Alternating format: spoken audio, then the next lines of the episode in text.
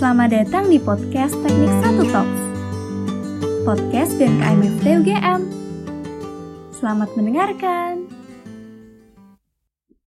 Halo teman-teman semua, selamat datang di podcast Teknik Satu Talks.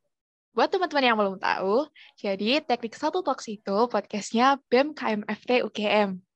Nah, podcast kita ini merupakan bagian dari podcast Divisi Konten Strategis Kementerian Hubungan Masyarakat.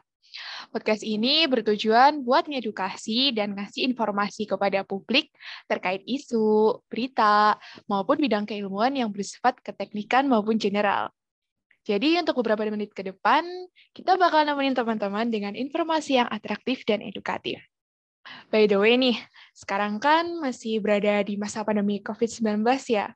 Ya, walaupun kabar baiknya udah banyak kasus yang menurun, Aku berharap semoga semua listener podcast ini selalu sehat dan fit ya.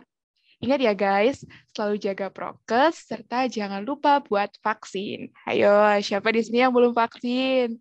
Jangan lupa vaksin ya, khususnya sampai booster. Buat meminimalisir terinfeksi corona. Jangan lupa pakai masker dan selalu cuci tangan. Oke, ngomong-ngomong sebagai mahasiswa Fakultas Teknik UGM nih, kita semua udah tahu kan ya, kalau mulai semester genap tahun 2022 ini, Fakultas Teknik udah melaksanakan kuliah secara hybrid. Beberapa departemen mungkin udah melaksanakan sejak akhir tahun 2021 lalu. Nah, terkait kebijakan pembelajaran hybrid yang dinilai berhasil ini, bulan Maret lalu UTS di Fakultas Teknik full diadakan luring loh Duh, ya ampun, jadi kebayang lagi kan gimana hawa-hawa mencengangkan pas melaksanaan UTS ya guys ya. Oke, jadi di podcast kali ini aku bakalan ngebahas terkait support dan hambatan UTS offline Fakultas Teknik UGM.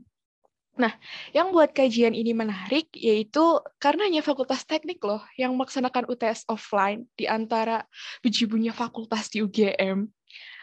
Jadi nih guys, kita akan melihat berbagai perspektif terkait pelaksanaan UTS offline oleh mahasiswa Fakultas Teknik UGM. Penasaran nggak? Penasaran lah. Yuk, capcus. Eh, tapi sebelum kita bahas lebih lanjut mengenai polemik UTS offline Fakultas Teknik UGM, kayaknya kurang abdul nggak sih kalau kita belum kenalan dengan host, Duh, siapa sih hostnya? Gak, nggak bercanda. Serta bintang tamu dari podcast ini.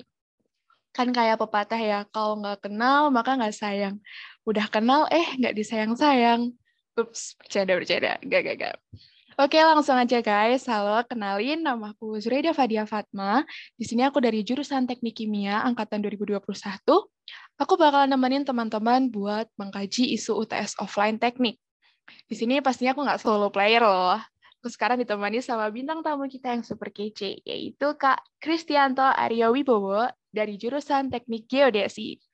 Nah, boleh banget nih buat Kak Arjo buat perkenalan kepada teman-teman biar makin akrab dan seru podcastnya. Oke, semuanya halo, semuanya selamat pagi, siang, sore, malam pendengar podcast Teknik Satu Talk. Halo, selamat. Uh, aku mau ngucapin terima kasih dulu karena udah dipanggil, udah diundang buat hadir di, uh, di acara podcast ya dari uh, dari BEM ya dari BEM FT jadi ya aku sangat terima kasih sebelumnya dan mau perkenalan dulu ya teman-teman. Uh, nama aku Kristianto Aryo Wibowo. Teman-teman bisa panggil aku uh, Aryo atau Arjo juga nggak apa-apa. Ya jadi uh, oh ya aku dari Purwokerto Jawa Tengah. Dan sekarang aku uh, di jurusan Teknik Geodesi Universitas Gajah Mada. Salam kenal semuanya Salam kenal Kak Arjo. Gimana nih kabarnya Kak? Pasti makin seger lah ya setelah kemarin liburan seminggu. Ya walau kurang sih ya. Gimana nih kabarnya Kak? Waduh, kabarnya kekurangan liburan nih sepertinya soalnya apa ya Gak berasa aja gitu liburan cuma satu minggu biasanya kan kalau dari tahun ke tahun kan biasanya libur tuh minimal paling nggak dua minggu lah ini kayak cuma libur seminggu dan harus kembali lagi ke Jogja buat kuliah lagi ya rasanya uh, agak gimana sih kayak agak males tapi gimana lagi masih kuliah ya udah deh itu deh kabarku banget sih kak uh, gimana sih ya rasanya kayak udah PW gitu di rumah, kita disiapin makan sama ibu, kita tinggal duduk, tinggal ngapain, sekarang harus mandiri lagi, ya kan? Betul aku nggak ditanya balik nih, gimana kabarnya? Oke, oke, minta ditanya balik. Oke, gimana kalau Sura kabarnya? Sehat? Sehat, Alhamdulillah baik. Ya, sepertinya sama sih. Uh, kabarnya kurang liburan gitu aja sih, Kak aduh sama aja ternyata kayak semua orang itu punya apa namanya uh, punya rasa yang sama ya satu nasib semua ya Iya sih bener kak. Uh, sebelumnya aku mau ngucapin terima kasih nih buat Kak Arjo karena telah menyempatkan waktunya buat ngisi podcast kali ini. Aku merasa kagum dan senang banget bisa berkesempatan bahas isu ini bareng sama Kak Arjo, biar nambah informasi serta membuka wawasan buat kita. Uh, Oke, okay, langsung capcus saja ya Kak. Uh, ada beberapa oh. pertanyaan nih yang bakal aku tanyain ke Kak Arjo seputar pelaksanaan UTS offline kemarin di Fakultas Teknik. Nah, berbicara tentang UTS offline ini nih, gimana sih opini kakak tentang isu ini di Fakultas Teknik? Apakah ada gap dan shock syndrome ketika pelaksanaan UTS yang awalnya online menjadi offline? Gimana tuh kak menurut kakak? Oke, menurut aku pribadi ya, Zor. Jadi tuh uh, pelaksanaan UTS offline itu yang jelas kaget kan waktu dengar apa namanya uh, pemberitahuan dari fakultas itu kalau ternyata oh, ujian apa UTS akan dilaksanakan secara offline pasti wah kok offline? Gitu kan. Kayak nggak nggak nyangka tapi ya gimana lagi itu kebijakan dari kampus gitu. Jadi ya pasti yang pertama yang aku rasain sih ini sih Zor. Aku pasti shock lah. Shock dalam artian uh, kaget gitu. Yang biasanya dulu kalau setiap mau ujian UTS atau UAS gitu pasti kan masih online jadi ya bisa lah gitu uh, belajarnya nanti nanti tapi ketika ada pemberitahuan seperti itu kesannya kayak waduh aku harus apa namanya uh, kaget gitu kan kayak aku harus ngapain gitu. Bingung awalnya kayak yaudah mau gimana lagi? Tapi udah ada surat pemberitahuan seperti itu jadi ya yang mau nggak mau hadapi gitu sih.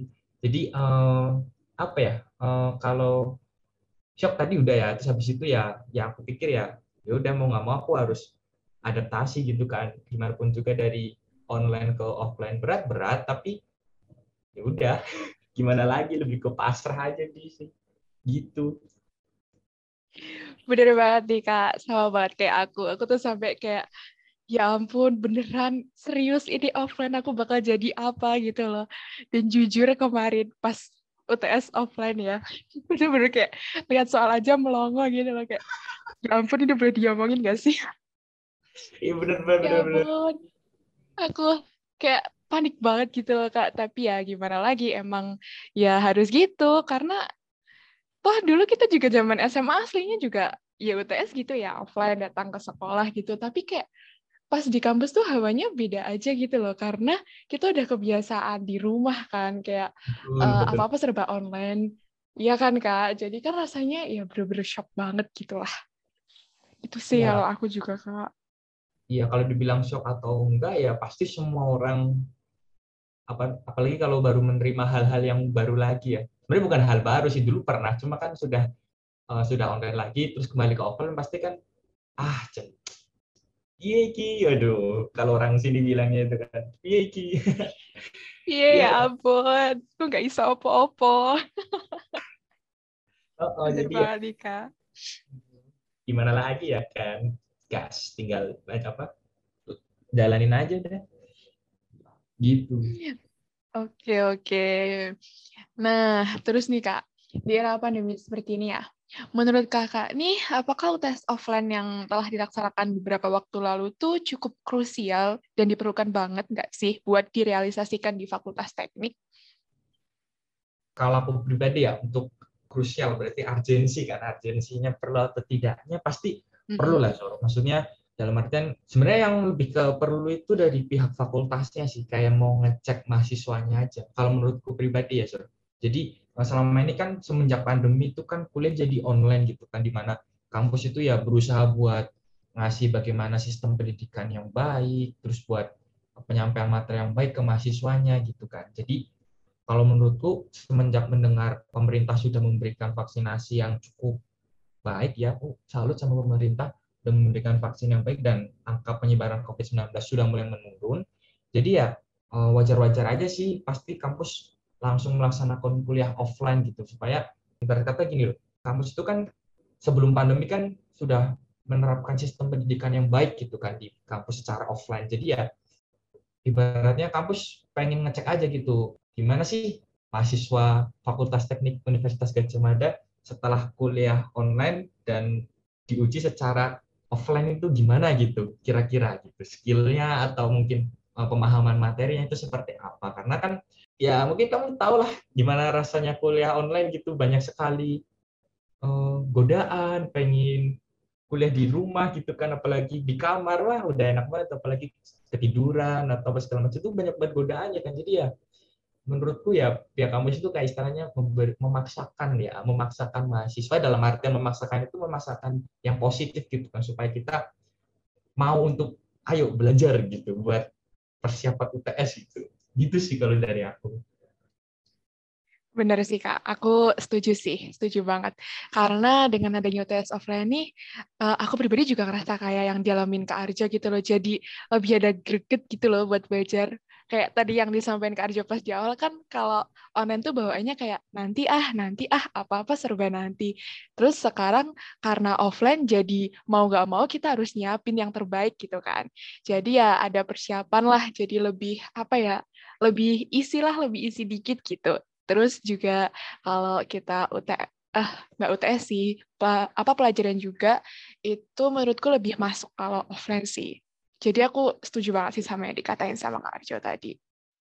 Iya, jadi ya mungkin dulu waktu mungkin nggak tahu ya mungkin semua orang-orang juga sudah terlalu bosan sama dunia online jadi ya ketika ada kesempatan untuk bisa offline ya siapa sih yang nggak mau offline kembali lagi seperti dulu gitu kan ya yeah. udah uh, benar benar benar jadi emang harus adaptasi aja sih kayak tadi aku bilang di awal tadi gitu Jor Oke kak, bener-bener bener banget sih. Kita harus ambil sisi positifnya intinya lah ya, jangan kayak nyalahin mulu. Kenapa nggak online? Kenapa nggak online? Jangan gitu. Ternyata offline tuh banyak manfaatnya ya guys ya.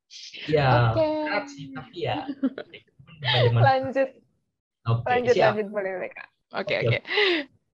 Nah, nih Kak, kalau kita tinjau balik kemarin ya pelaksanaan UTS-nya, ternyata tuh cuma fakultas teknik yang ngadain ujian secara offline di UGM. Duh ya ampun, menurut kakak kenapa sih hanya diberlakukan di fakultas teknik aja? Apa adil ya kalau kita melihatnya secara umum dengan membandingkannya sama fakultas lain? Oh, oke okay, oke. Okay. Untuk adil atau enggaknya sebenarnya gini, Sir Eh, kalau aku pribadi awalnya ya pasti dari jiwa-jiwa mahasiswaku yang rebahan ini yang selama online ini pengen rebahan, pengen santai-santai gitu kan. Ketika melihat per, apa, uh, suatu perbedaan gitu antara fakultas teknik dengan fakultas teman-temanku di fakultas lain, itu pasti di awal aku langsung bilang, ih enak banget, mau tesnya masih online, aku udah offline nih, udah mulai pusing ini gimana mau materi ini itu segala macam. Itu awalnya aku pasti mikir kayak gitu, tapi semenjak aku menggalaukan itu ya istilahnya ya, waduh menggalaukan hal tersebut, lama-lama aku mikir Jor, kayak ngapain ya aku terlalu mikirin orang lain gitu. Mending mikirin diriku sendiri yang memang jelas-jelas itu kenyataan ada di depan mata dan ya nggak mungkin berubah gitu. Terus ngapain kita apa menyibukkan adil atau enggak antara fakultas teknik dengan fakultas yang lain? Menurutku buat apa malah buang-buang waktu? Mending ya udah kita siapin aja apa yang bakalan dijalanin dan apa yang bakalan dihadapin sih itu aja sih kalau dari aku sih. Jadi ya ya udah. Kembali lagi ya, harus hadapin. Kalau terlalu mikir pusing adil atau enggaknya ya ya ngapain dipikirin? Toh juga kita nggak bisa merubah kebijakan dari kampus kan karena kampus juga punya kebijakan dan itu menurutku ya juga positif untuk mahasiswanya gitu sih sur. Oke, uh, untuk ketiga kalinya aku setuju lagi sama Kak Arjo. Ya ampun, dari tadi aku setuju-setuju mulu. Tapi emang beneran guys, aku setuju guys.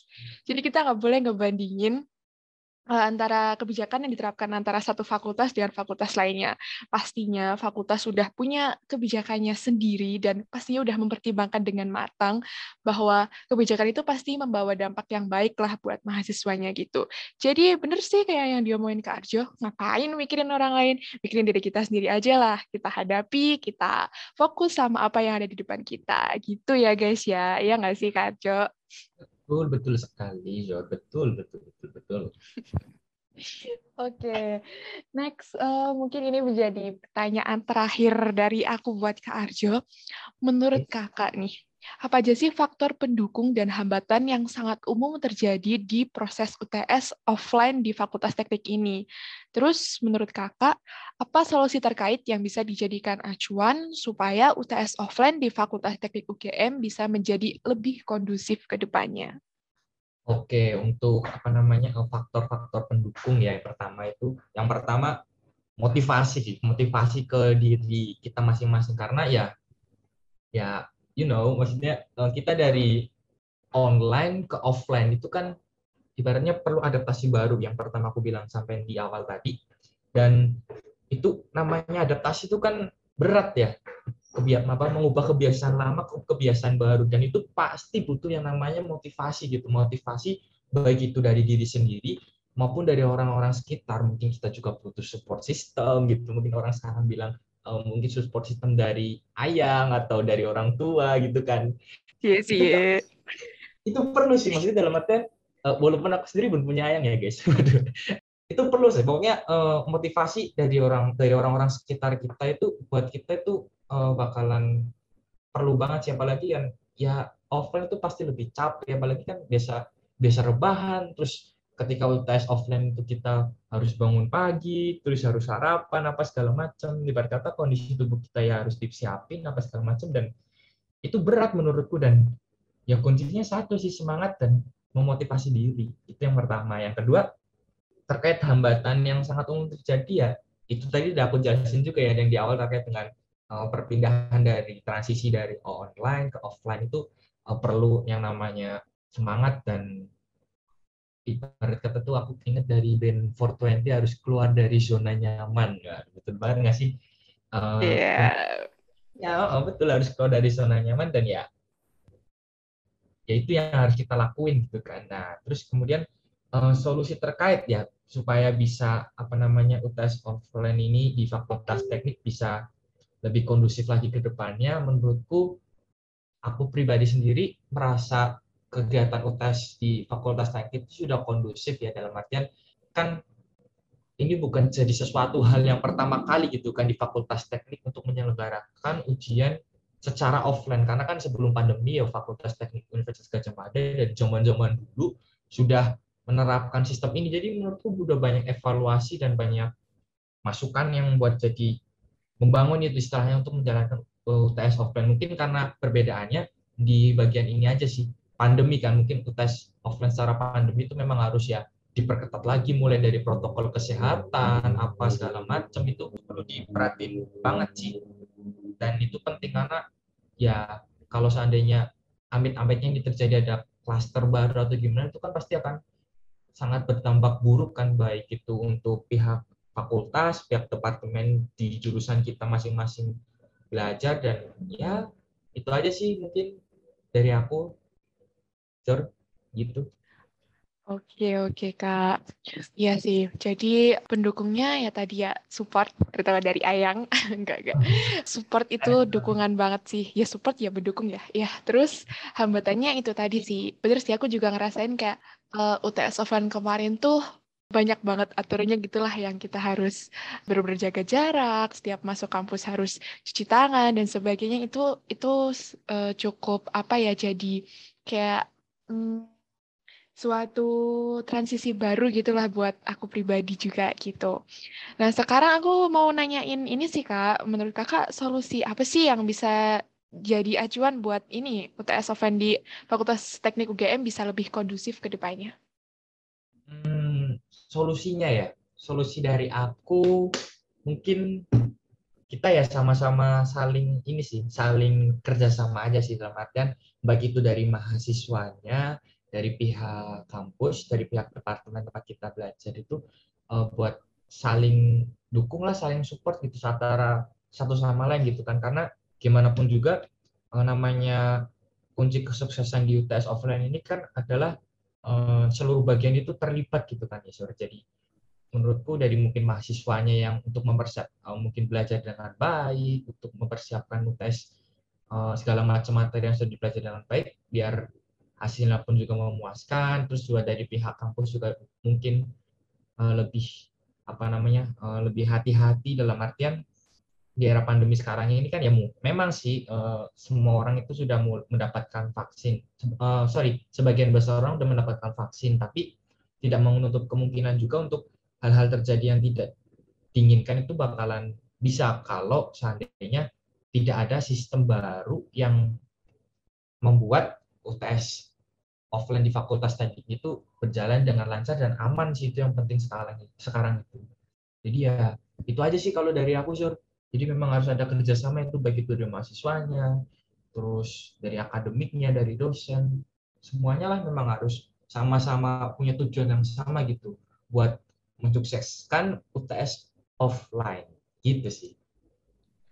Oke, setuju, setuju banget, setuju banget sama Kak Arjo. Bener ya guys, jadi untuk mensukseskan uh, berbagai kegiatan UGM yang bakal dilaksanakan secara offline, khususnya di Fakultas Teknik kayak UTS kemarin, perlu kerjasama antara semua civitas akademika UGM yang ada di Fakultas Teknik. Jadi nih, kita mendukung kebijakan dari fakultas dan fakultas bakal memberikan yang terbaik buat kita. Setuju kan? Setuju. Oke, okay. informatif banget ya perbincangan kita hari ini karena relate banget sama isu akademik mahasiswa. Semoga kegiatan ujian offline di Fakultas Teknik UGM bisa lebih baik dan minim hambatan ke depannya, sehingga semua mahasiswa bisa mengaksesnya dengan lebih mudah. Nah, itu tadi podcast kita hari ini. Terima kasih banyak buat Kak Arjo yang udah bersedia meluangkan waktunya buat isi podcast kali ini. Uh, terima kasih ya Kak. Ya, sama-sama. Aku juga terima kasih buat teman-teman yang mau mendengarkan podcast ini dari awal sampai akhir. Jangan lupa selalu jaga kesehatan dan up to date buat dengerin podcast Teknik Satu Talks. Don't forget to kepoin lebih lanjut mengenai kami di Instagram at BMKMFTUGM. Sampai jumpa, jaga kesehatan, dan jangan lupa mencoba hal baru. Bye-bye.